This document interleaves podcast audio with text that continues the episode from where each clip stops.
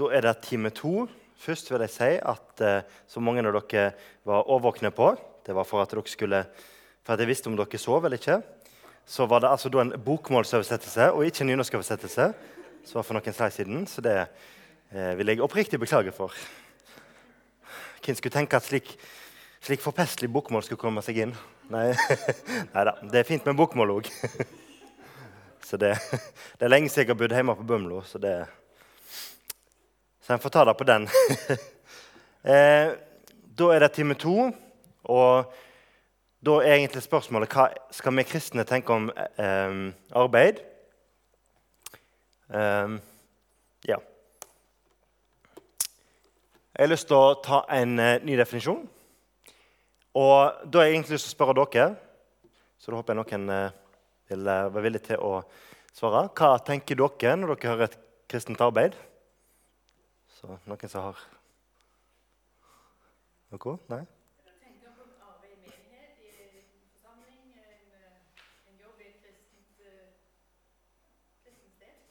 Ja.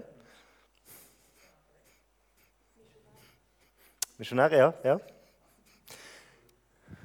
Hva sa du? Nei. Pastor, ja. ja. Ja, det er gode ting.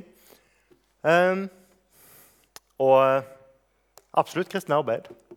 Men kristen arbeid det er rett og slett en kristen som arbeider. Det er den enkle og greie definisjonen. Mer og vanskeligere trenger det ikke være. Eh, man kan ikke vri og vende på det, sånn sett, for det er en kristen. Det er en som følger Jesus, en som arbeider. Slår de sammen, så blir kristne arbeider. I den forstand. Eh, tar jeg eh, neste, da, så har jeg skrevet et lite skriv. Og det har jeg lyst til å lese, Dette er på nynorsk. vil merke. Vi må huske at Gud viser seg først som en kunstner og gartner når han skaper oss og når han skaper verden. Og deretter som en tømrer når han har vandra med oss. Og ikke minst som konge, prest og profet når han frelser oss. Og han viser seg også til oss når vi er ute på åkeren eller byer huset, selger varer eller skriver kode. Vi må huske dette fordi arbeidet vi gjør, er viktig, og det er en gudstjeneste for Herren. Og det vil jeg si. Så eh, her er litt ulike ting. Og så har jeg lyst til å ta dere med gjennom hva Bibelen sier om arbeid. Eh, og Da er jeg egentlig å gå til den første boka i Bibelen, og egentlig det første verset. I begynnelsen skaper Gud himmelen og jorden. Og Jorden var øde og tom, og det var mørke over det store dyp. Og Guds ånd svevet over vannene, og Gud sa, 'Bli lys', og det ble lys. Grunnen til at det er bokmål her, er fordi jeg bruker 88-utgaven. Eh, den er finest på bokmål. Den, det, det er grunnen. Men Gud skaper jorda og han arbeider. Det er det første møtet vi har med Gud. Det er en Gud som arbeider. Og det er en Gud som skaper. Så står det i 2. Eh, Mosebok, kapittel 20, vers 10. Der står det at Men den sjuende dagen er shabbat for Herren din Gud.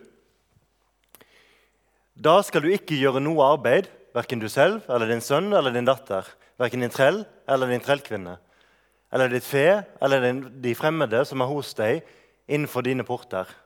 For på seks dager gjorde Herren himmelen og jorden, havet og alt som er i dem, og han hvilte på den sjuende dagen. Derfor velsignet Herren sabbatsdagen og helligheten. Her er det to ting. da. Først så skaper Gud himmelen og jorden.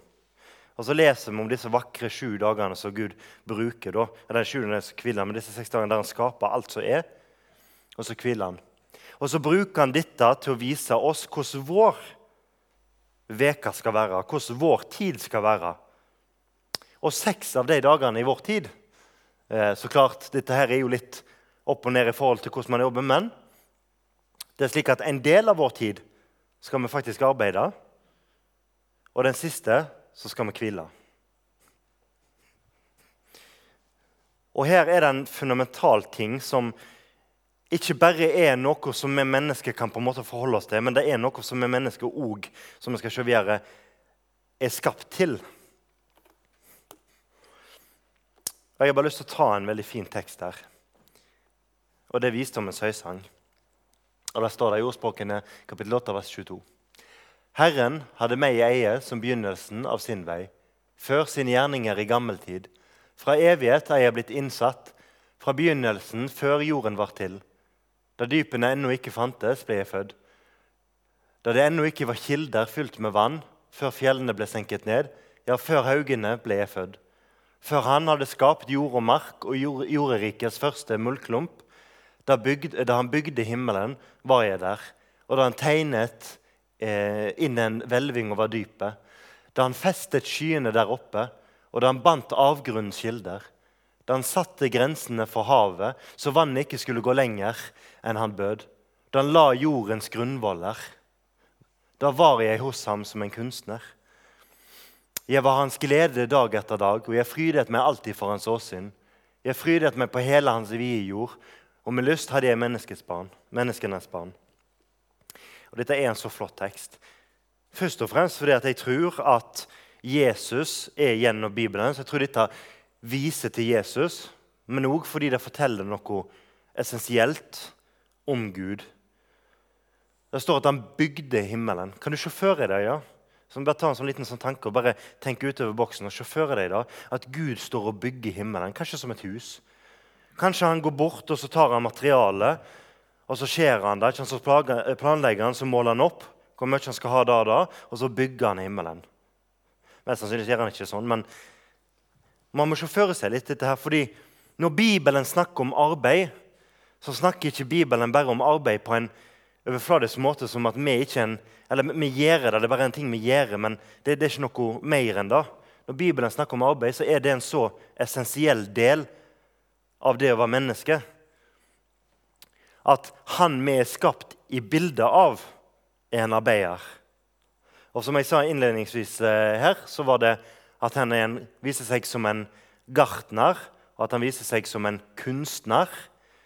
Eh, jeg vet ikke om jeg skrev det, men At han er en kunstner. Det blir veldig vist her. da, Og at han er, han er en byggmester. Um, og jeg liker å se på Gud som en koder. For når jeg ser på oss mennesker, da, og hvis du ser på DNA-et vårt, som består av millionervis, millionervis av genetisk kode som man kan tolke, som man kan se og lese, og forstå at her er det informasjon Så for meg da, som en programmør så, ser, så tenker jeg Se her! Gud må jo være en utvikler. Og det tror jeg absolutt er sant. For hele verden fungerer så fantastisk. Faktisk, jeg så på en naturdokumentar en gang av, eh, av eh, Jeg tror den heter um, Planet, eller, ja, Planet, Earth eller Ocean. et eller annet. Men det var med han David Attenborough. da. Men det var med han norske stemmer. da, for Jeg liker norske stemmer bedre. da, men poenget i hvert fall, Jeg så på denne naturdokumentaren. Og i denne her så forklarte de da at vinden tar med seg sand ifra, eh, ifra eh, ørkenen i, i eh, hva er det, Utah eller California på seg. Der er den eh, ørkenen den her, Der så eh, Area 52 ligger oppe, eller 51, eller hva det heter. Eh, fra den ørkenen i USA da, så tar han med seg ørkensand der med protein. Og så pollinerer vinden Stillehavet.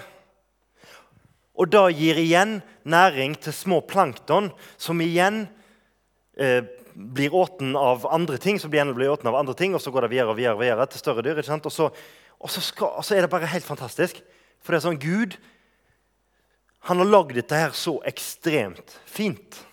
Og det er på en helt insane måte. Vi klarer ikke engang å forestille oss universet. Hvis du går fra det, til de minste atom, eh, til partikler, til, til, altså til proton, og så går du helt ned, så begynner man å snakke om masse sånne ting innenfor kjernefysikk eh, som jeg ikke kan. Men altså, man klarer ikke å forestille seg akkurat hvor stort dette verket Gud har skapt. Eh, og Det må vi ta inn over oss noen, eh, noen, ganger, fordi vi må se at Gud er en som skaper, og en som arbeider. Eh, og Jeg tror ikke Gud har slutta å arbeide, for da tror jeg jorda hadde slutta å gå rundt. Da tror jeg havene hadde slutta å eksistert. Så, så, jeg liker i hvert fall å se på Gud som en, eh, en koder. da. Og så er det jo sånn da, eh, at Hvis man gjør et eksperiment, et vitenskapelig eksperiment, så, så skjer det samme hele tida. Og det er jo helt fantastisk. at det hadde jo vært helt ekstremt gale hvis du parkerte bilen din, og du, eh, Du skrudde av, ikke han tok ut nøkkelen, og så eksploderte bilen. Eller en annen dag så forsvant bilen. Eller en tredje dag så ble bilen knøttliten. ikke sant? Eller så eh, ble bilen til vann. Det hadde vært helt kaos. Men sånn er det ikke, fordi det fins den naturorden i universet som Gud har skapt. Og når jeg sitter og koder, så lager jeg på sett og vis en orden i det programmet jeg lager. Jeg lager en struktur. Jeg lager noe som fungerer, noe som skal fungere gang etter gang. etter gang. Og det skal være laget sånn. Og hvorfor kan jeg sitte og lage sånn? Jo, fordi jeg er et menneske skapt i Guds bilde. Og fordi som mennesker alltid gjør når vi skaper, så ser vi òg på naturen. hvordan vi er skapt. Og Der kunne jeg hatt en helt egen uh, forelesning om hvordan koding og natur henger i lag. sånn sett. Men eh, for i hvert fall gjøre det kort, så var det i hvert fall på å vise på at jeg tror Gud er en koder. Og Det sier ikke, kanskje ikke alle så mye, men, eh, men du kan òg egentlig så kan man tenke at Gud er egentlig alle yrker i én forstand. da. Eh, men, men, det gir i hvert fall mening for min del. da. Eh. Og så snakket jeg om dette med arbeid som en sentral del av å være menneske. Første Mosebok kapittel 1, vers 27. Når Gud skaper mennesker, så står det Og Gud skapte mennesket i sitt bilde. I Guds bilde skapte han dem. Eh, til mann og kvinne skapte han dem, og Gud velsignet dem og sa til dem, vær fruktbare og bli mange, og fyll jorden, og legg under dere, og råd over havets fisker og himmelens fugler, over alt levende som rører seg på jorden. Så sier han i kapittel 2, når han snakker litt eh, mer detaljert om mennesket, så står det og Gud, Herren, tok mennesket og satte ham i Edens hage til å dyrke og verne dem. Eh, å dyrke her og verne dem, det er det som egentlig får arbeid ifra. Det er det som egentlig liksom, går liksom til grunndefinisjonen av det som ut fra Bibelen er arbeid. For oss mennesker så er det egentlig å dyrka og eh, verna jorda. Eh, og, og, ja, Vi kan tenke at det er bare liksom å dyrke og sette en potet. Men det er ikke bare det. Det går mye lenger enn det. Det betyr å skape. Det betyr å bruke denne verden som er gitt, og skape. Og som vi skal komme tilbake til, eller, eh, til litt senere, så har dette en helt unik betydning for oss kristne òg i dag. Eh, ja. Så arbeid er nødvendig for at vi skal ha det godt. Og Det er på veldig mange plan. Jeg snakket om det psykososiale, men òg eh, rett og slett at vi trenger, vi trenger, å jobbe for å tjene penger til livets opphold. Hvis vi snakker rent ut ifra eh, både historisk og hvordan vi har samfunnet. Eh,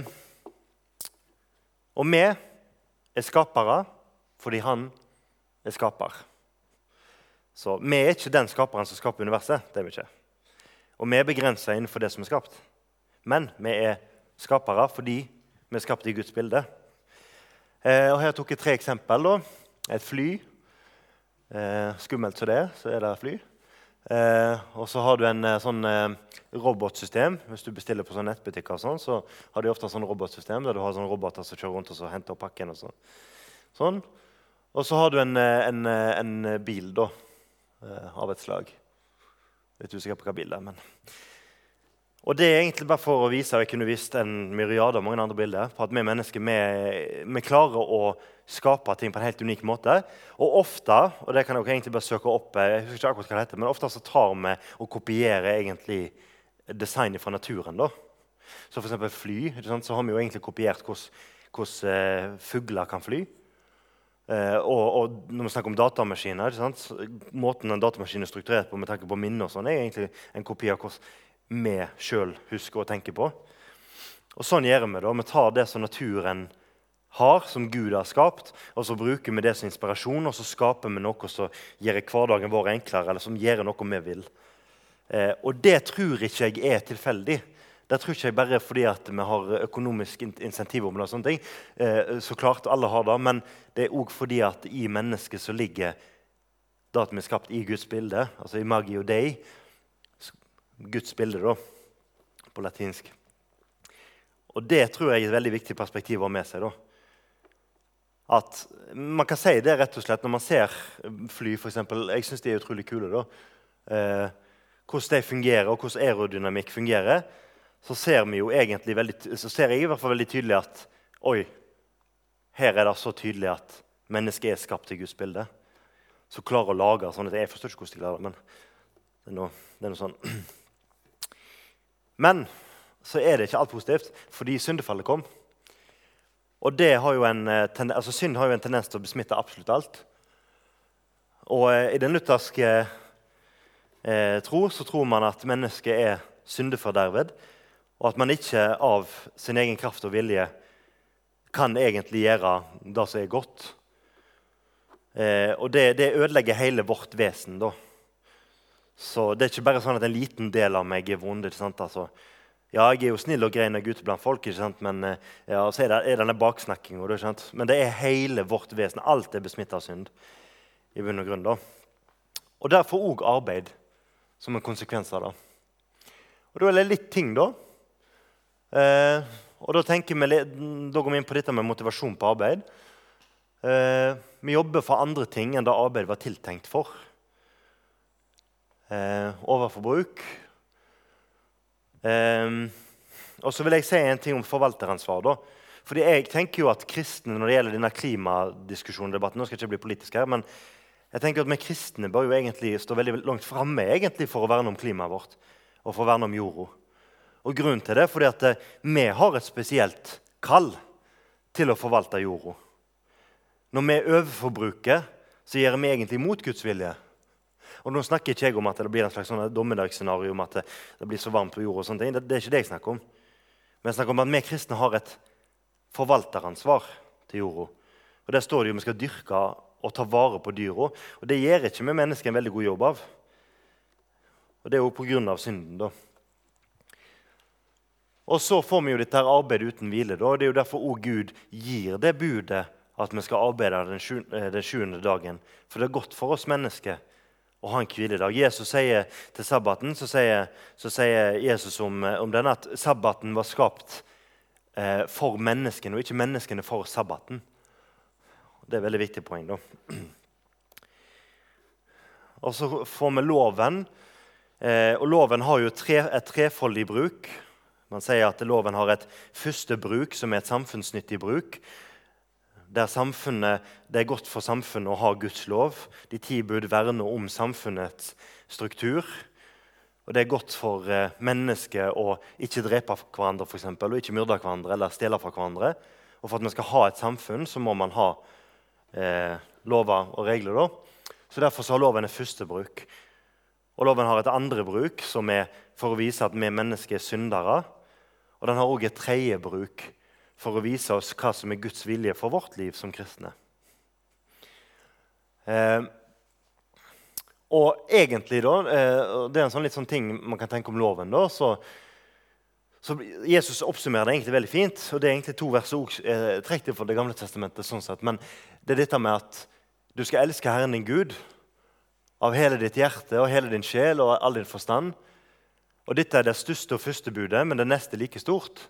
Du skal elske nesten din som deg sjøl. Dette har vi hørt. Dette er jo denne, eh, det gylne budskapet, eller Det kan hende jeg eh, altså feil, men i hvert fall, det er i hvert fall det har vi hørt.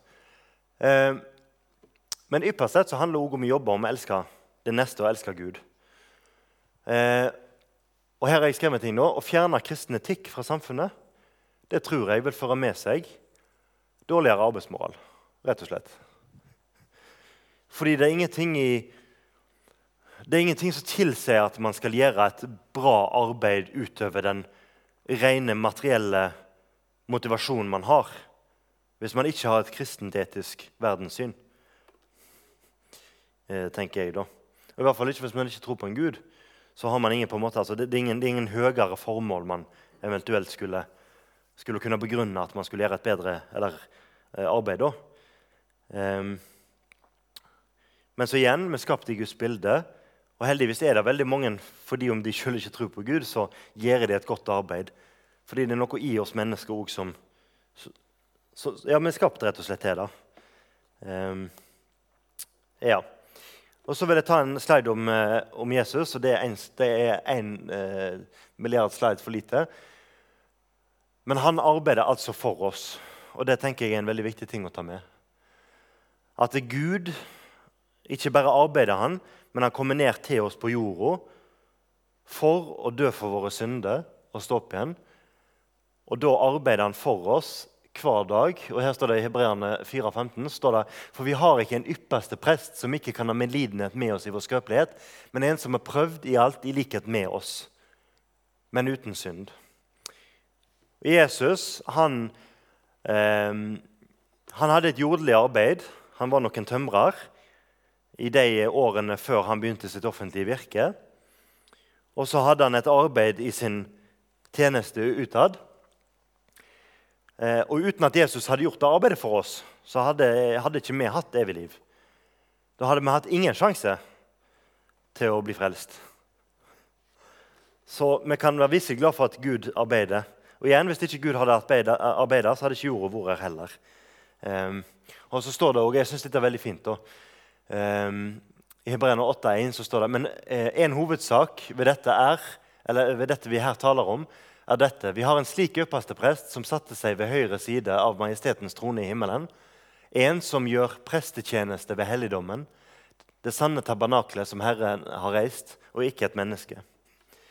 Så Her står det faktisk at han gjør prestetjeneste i himmelen. Og En annen plass står det at han bærer inn våre bønner. Og Det synes jeg er veldig fint, at han arbeider for oss. Og det er En av de siste tingene han sier til sine disipler da, før han eh, eh blir korsfesta, sånn, er jo i kapittel 14, Johannes 14 så sier han jo at Vær ikke bekym, eller ha, bli ikke grepet av angst. Fordi eh, eh, var det ikke slik, hadde jeg ikke sagt dere det. Når jeg går av sted, så går jeg av sted for å gjøre i stand et sted for dere. For i min fars hus hadde mange rom.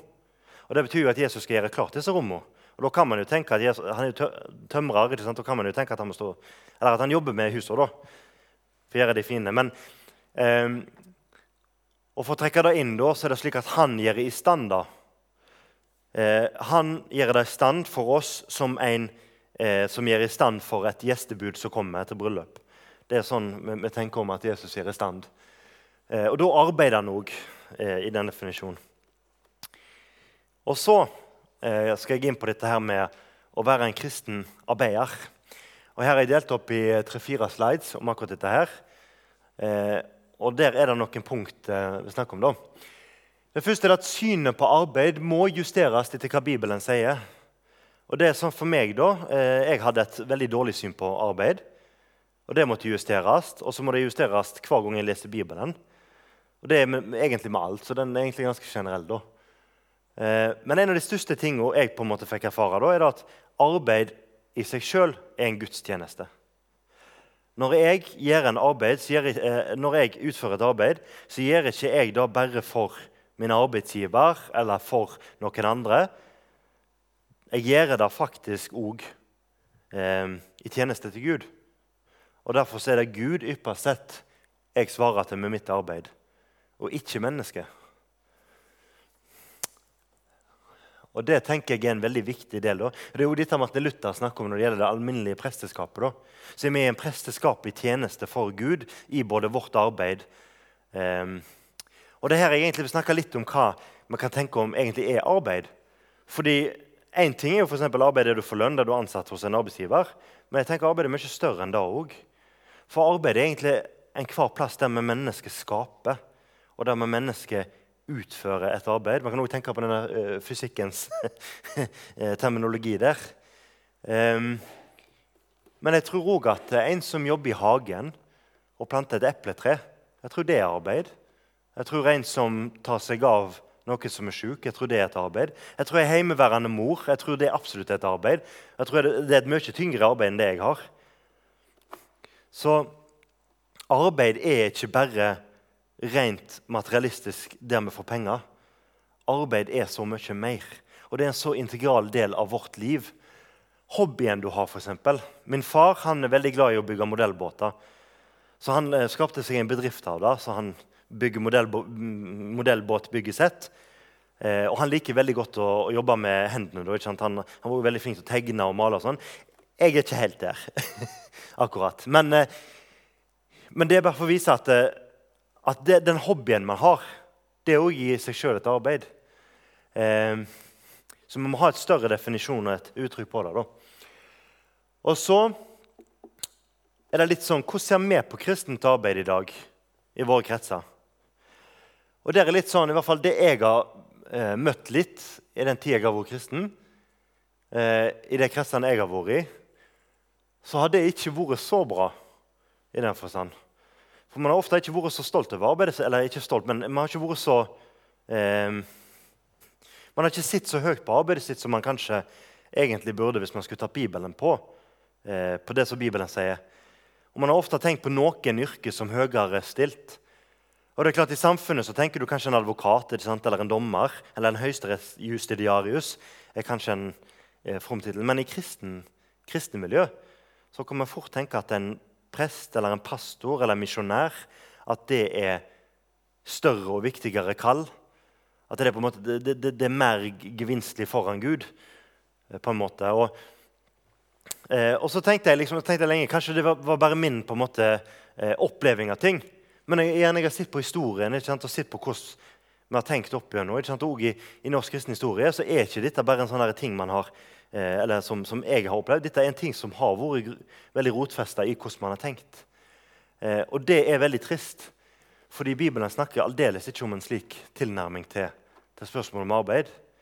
Eh, en misjonær som reiser ut, som har fått et kall om å reise ut som misjonær, gjør et godt arbeid der den personen er. Og Det arbeidet er viktig fordi Gud bruker den personen på misjonsmarken.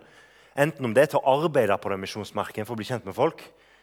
Men hvis du jobber på en butikk i Norge som kristen, så har du et like viktig arbeid. Fordi Gud kaller alle til å jobbe med ulike ting.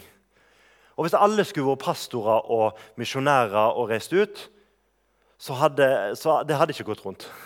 Det hadde ikke gått rundt. Eh, og Derfor er jeg så glad for det som er pastorer og prester, sånn som Frank, for eksempel, eh, eller det som reiser ut eh, på misjonsmarken. Fordi jeg er glad for at de følger det kallet de har fått. Men jeg er òg så glad for de som jobber i helt vanlige yrker, for de følger det kall de har fått. Fordi et kall, eh, eh, Man har ofte en tendens til å skille åndelig og jordlig og si sekulært og kristent. Men ofte så er ikke de to tingene så skilt som man skal ha det. Og som Luther sa, for Kristus har én kropp, og det er bare ett hode. Og det er mange lemmer, og alle har sin funksjon. Og det gjelder òg arbeid. Og Ypperst sett så handler det også at Skal vi kunne nå inn til folk, inn til mennesker, med evangeliet, så må vi møte mennesker der de er. Og Da er det viktig med mennesker i alle ulike arbeid. Og Derfor så må kristne være like mangfoldige som alle andre egentlig når det gjelder arbeid. Eh, så litt om dette med motivasjonen. da. Motivasjonen til arbeidet har veldig mye å si. Eh, I dag er det, veldig, eh, er det, i hvert fall veldig vanlig å tenke at man arbeider for å få lønn. Eh, og, eller bare for å få lønn og for, for å få mer lønn. Og så skal man gjerne på en måte jobbe noen år og så bytte jobb for å få enda høyere lønn. Og så blir det på en måte en, en ting man skal tilfredsstille. Og her må jeg helt ærlig si at, det, at, at jeg er ikke den flinkeste her. For når jeg ser på mitt liv, så, så ser jeg da at, at, eh, jeg er ikke så adskilt penger som jeg skulle, skulle vært. på en måte. Og det syns jeg er skummelt òg. Eh, men det er på en måte så Det er en så integral del av samfunnet at det er på en måte man, man har et jaget å jobbe mot. Og Det kan være ulike ting oppe seg, om man skal ha hytte, båt eller bil, eller om man skal ha en Tesla eller om man skal ha en annen elbil. Nå har ikke peiling på elbiler, men jeg tror Tesla er sikkert er dyr. Sånn sett, Men om man skal ha det dyreste, da Og da er det klart, da må man ha masse penger. Og Hele samfunnet blir jo egentlig strukturert ut ifra det. Bare for å ta et ord om barnehageplasser. og sånn. Barnehage er en veldig god ting eh, når man trenger å ha barn i barnehage. Eh, men man har gjort veldig lite studie egentlig på barnehage. Og det er ingen tvil om at barnehage primært er for at to skal kunne jobbe, slik at samfunnet skal også få mer skatt inn i når man skal kunne realisere seg i den forstand. Eh, og Det trenger jeg ikke si så mye om akkurat sånn sett. for jeg har, ingenting imot at, at, man har barn i barnehage. Men det er veldig tydelig at den tanken om at man skal, ha, eh, at man skal tjene seg materiell gode, og man skal gjerne ha det som naboen har i Norge, den, den står veldig sterkt. For man kan aldeles ikke ha mindre enn naboen. Man kan gjerne ha mindre enn noen som bor på en annen side av landet, men aldri mindre enn naboen. For kjøper naboen seg en ny bil, så, så må man ha ny bil. eh, og det triste med det er jo at veldig mange tar opp lån. Eh, man har sikkert sett på program som Luksusfelle og sånne ting, og jeg tror det er ganske vanlige ting i Norge i dag. Eh, at man har fått en slik tilnærming til arbeidet. Og Problemet med det dypest sett er at når man da jobber, så jobber man jo egentlig bare for pengene. Så det betyr at Får man ikke nok penger, så gjør man heller ikke nok, godt nok arbeid. Og man får heller ingen glede ut av arbeidet. Og det er jo sånn med livet på seg, at livet kan ta slutt på et øyeblikk. på seg, så, så akkurat det å bare jobbe for penger Du kan dø neste dag på se, rett før lønningsslippen. Eh, og hva, hva, er da pengene verdt? sånn sett? Og det må jeg si til meg sjøl, og det tror vi alle må si til oss sjøl. Sånn, sånn sett, um, så vil jeg si noe om dette å utføre arbeid. Da. Vi kristne er kalt til å være lys og salt. Men vi er lys og salt òg. Og det var faktisk, eh, Asbjørn Handeland hadde en uh, veldig fin uh, preken her på, på en lørdags uh, på, på MUF-gudstjeneste her forleden. Og, og, han hadde egentlig Ja, jeg sa Espen Handeland, ikke sant? Ja, ja. og han sa at vi er lys og salt. Og det synes jeg var veldig fint. Vi er lys og salt, så derfor vær det. Sånn som Peter sier i sitt første brev. sier han, Vi er hellige, derfor vær hellige. Eh, og det være lys og salt så jeg prøvde liksom å si sånn, ok, Lyset da viser til Kristus gjennom livet og gjennom arbeidet og jobben du gjør. Og saltet da preserverer og bevarer det gode.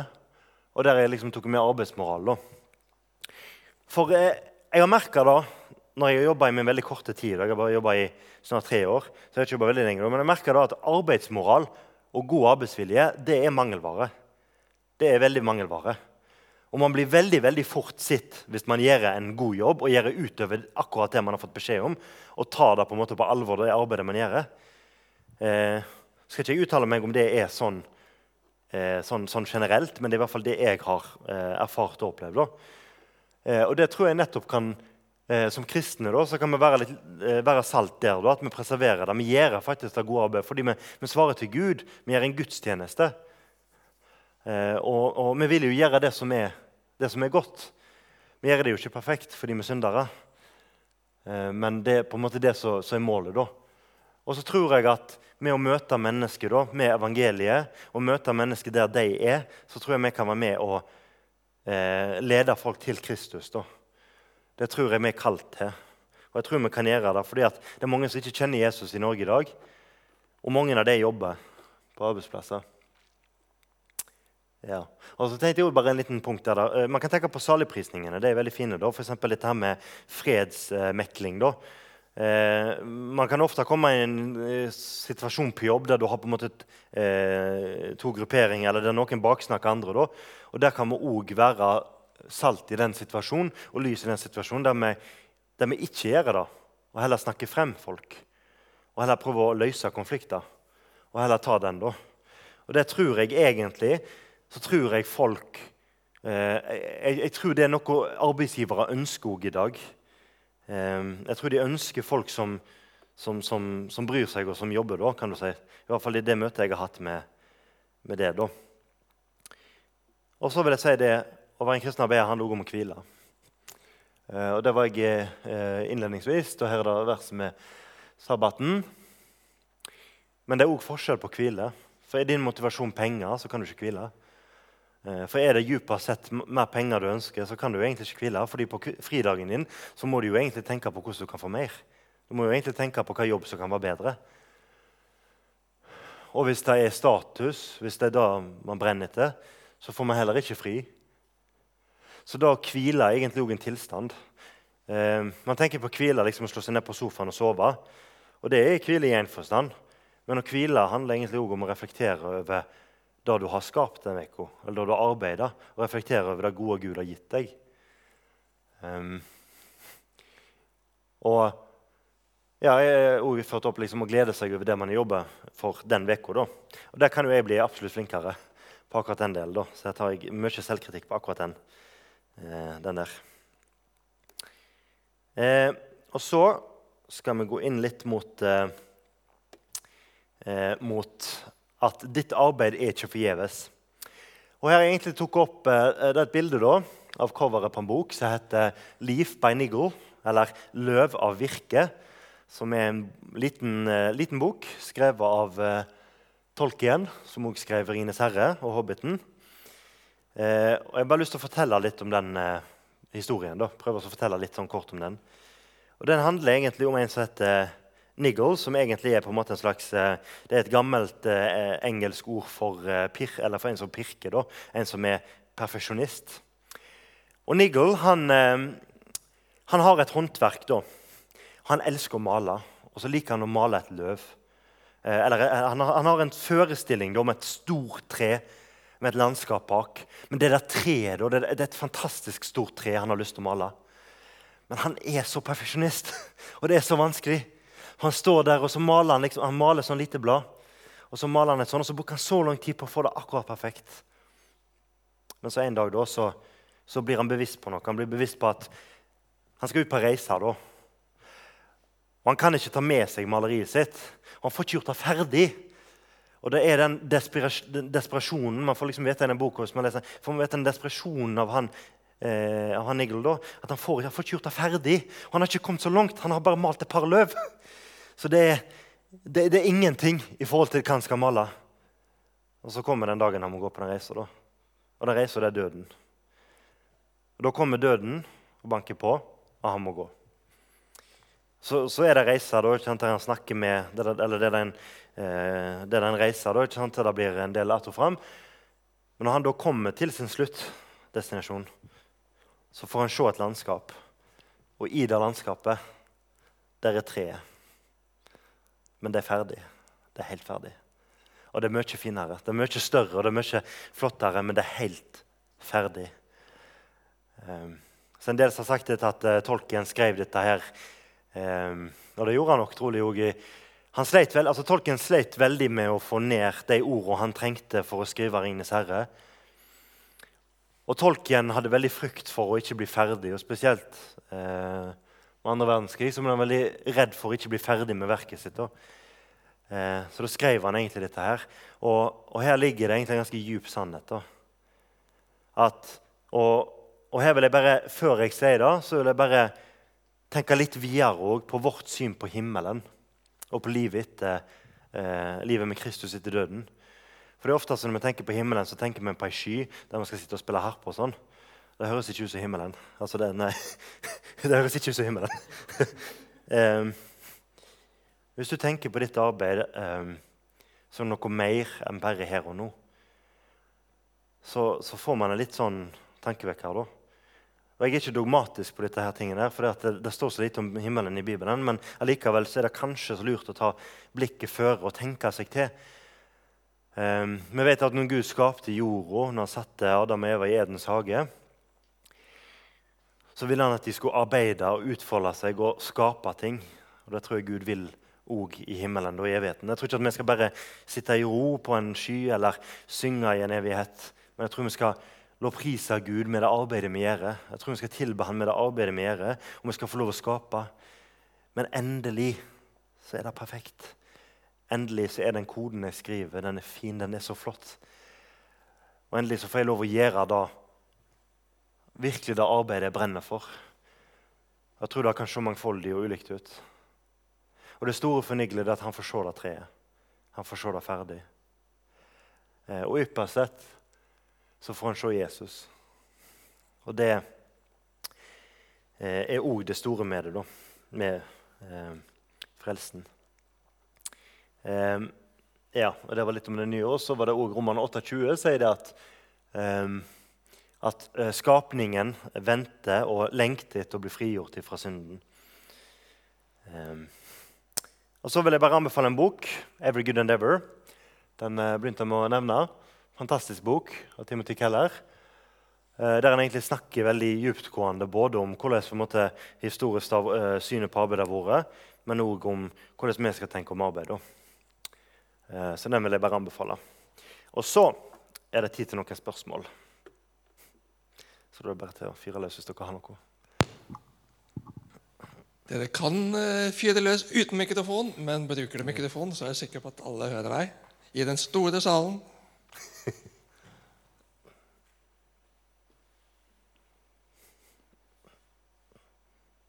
Spørsmål, kommentarer?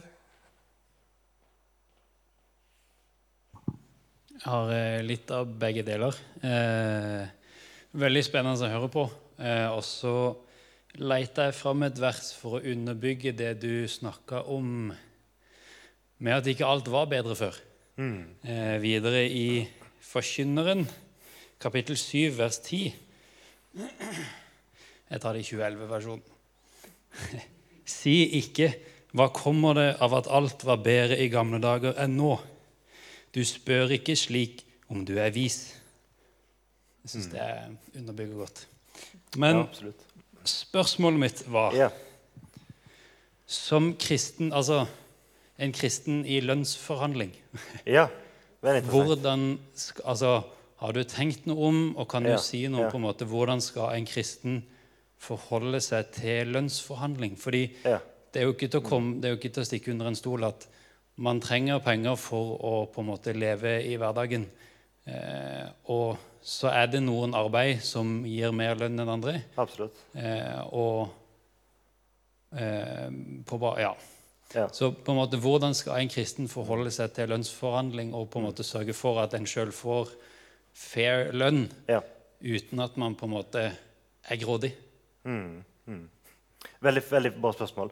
Eh, jeg har vært lønnsforhandler sjøl, så det, det, det har jeg litt erfaring med. Ikke sikkert jeg har god erfaring med, eller eh, kristen erfaring med det. sånn, i den forstand. Eh, Men eh, det, det er et skriftsted som jeg har mye på. det er At en god arbeider er sin lønn verd.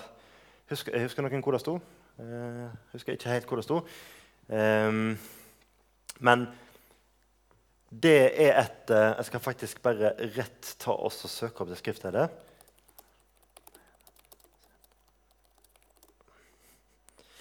Og Det står i Lukas 10,7. Der står det 'En arbeider er verd sin lønn'. Det er rett og slett det. Og det tenker jeg jo, da. Jeg tenker Vi kristne skal ikke være redd for å gå i lønnsforhandling eller spørre etter høyere lønn. Um, men hva er motivasjonen bak? Hvis motivasjonen bak er bare å få mer penger for å få mer penger, så tenker jeg kanskje ikke det, det er lurt i seg sjøl. Men eh, vi lever i denne verden og i dette samfunnet, så vi trenger penger. for klart. Vi trenger penger for å kunne, eh, kunne ha en plass å bo, for å kunne ha mat. Men et veldig veldig viktig prinsipp er at når du gjør et arbeid, så har det arbeidet en viss lønn. Eh, og så er det slik at De andre som jobber i det samme arbeidet, får òg en lønn. Og hvis du får mindre enn de andre, så eh, er det òg en urettferdig ting. Og vi kristne skal òg være med og kjempe for det som er rettferdig. Og rettferdig er ikke, er ikke egentlig bare å si det at nei, jeg har, jeg, har, jeg har nok. Selv om jeg får 100 000 mindre enn min, mine kollegaer på seg, eller det som jobber sammen, jeg har nok. Det er ikke en rettferdig ting. En rettferdig ting er å si det at hei, jeg, jeg er en arbeider, jeg gjør dette arbeidet, og jeg er så Dette, dette er da jeg på en måte arbeidet mitt er verdt, og så mye skal jeg få fordi det er rettferdig, tenker jeg. Eh, og Derfor, så, så, så, som kristen, så kan man med full frimodighet gå inn i lønnsforhandlinger. egentlig. Eh, og det tror, jeg er, det tror jeg er sunt. Og jeg tror det er sunt å snakke om det. så det er veldig bra du stilte det spørsmålet. For det er veldig tabuemne å snakke om lønn. Og selvfølgelig fordi vi er, eh, eh, vi er redde for at det skal bli elsket av mammon og sånn. Men, men lønn er en ting som alle må forholde oss til. På en eller annen måte så må vi det. Man, eh, ellers så, så må man leve på Nav. Eh, og det jo går. Men, eh, og det er mange som gjør det som uføre, selvfølgelig. Men, men, men penger er en ting man må forholde seg til. Man, man kan ikke stikke det under stolen. Og vi må ha lønn for å kunne gi kollekt òg. Så sånn, hvis man skal ta et kristenperspektivet ut fra det òg. Så absolutt lønnsforhandling. Altså, eh, når jeg gikk inn i lønnsforhandling, så var det fordi jeg så at jeg tjener veldig mye mindre enn det som er snittet. Og jeg ville gjerne at det skulle være rettferdig, for ellers så blir man utnytta. Å bli utnytta er ikke en god ting. Ehm, så det handler på en måte, så, så man skal ikke som kristen være dumsnill i den forstand. Men man skal være uh, rett, men man skal, man skal ikke jobbe for pengene. Men, men det har en ting. Eller jeg vet ikke om det på en måte svarte litt der. Jo, jeg syns det er fint. Altså, man må stå opp for seg, for seg sjøl. Altså, det Ja, er noe ja. vi skal. Og, på, og så kommer jeg til å tenke på at det går jo under det som da er vårt forvalteransvar. Ja. Hvis vi gjør et stykke arbeid, Mm. eh, og vi får mindre enn fortjent, ja. så selvfølgelig skal vi stå opp for at det blir rettferdig. Mm. Eh, og kanskje vi har et annet perspektiv på de pengene vi får inn, Ja, ja. Mm. enn en som ikke ønsker å leve etter det kristne eh, livssyn og verdensbildet og troa. Det er helt sant. takk. Veldig godt spørsmål.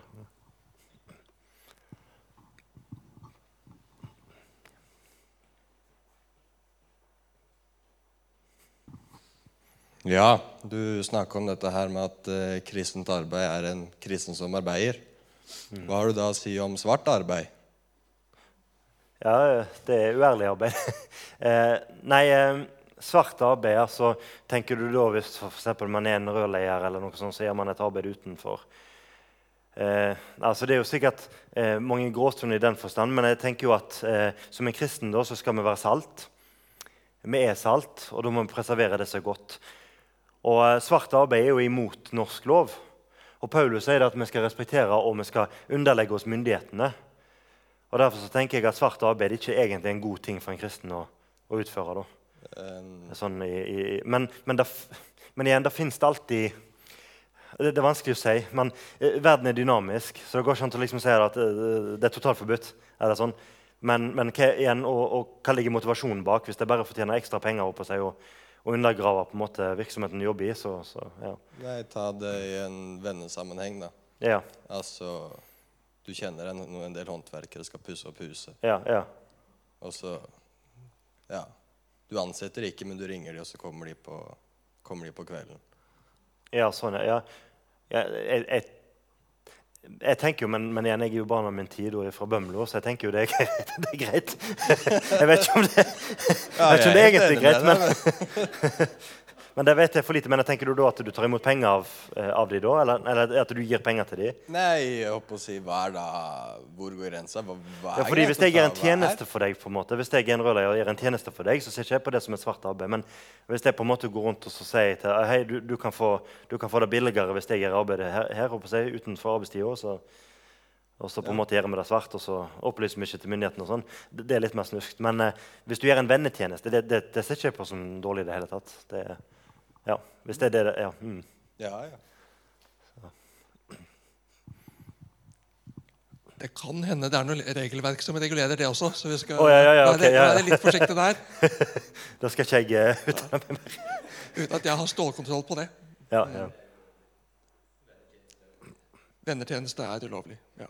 Er det ulovlig? Å, ja. ja, men da, da har ikke jeg eh, da, da tar jeg tilbake alt jeg sa. Ja.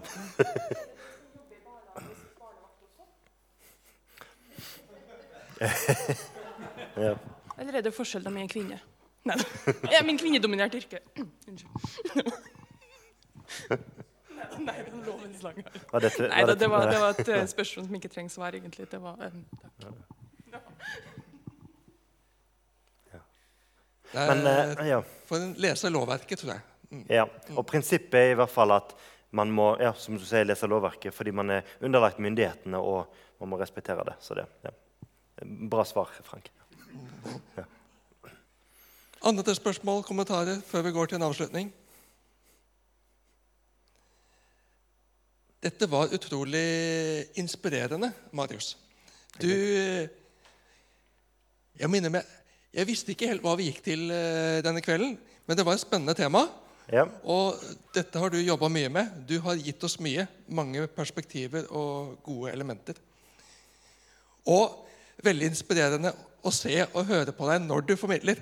Så du er en engasjert formidler, og det er stas. Tusen takk Tusen for alt du har gitt oss.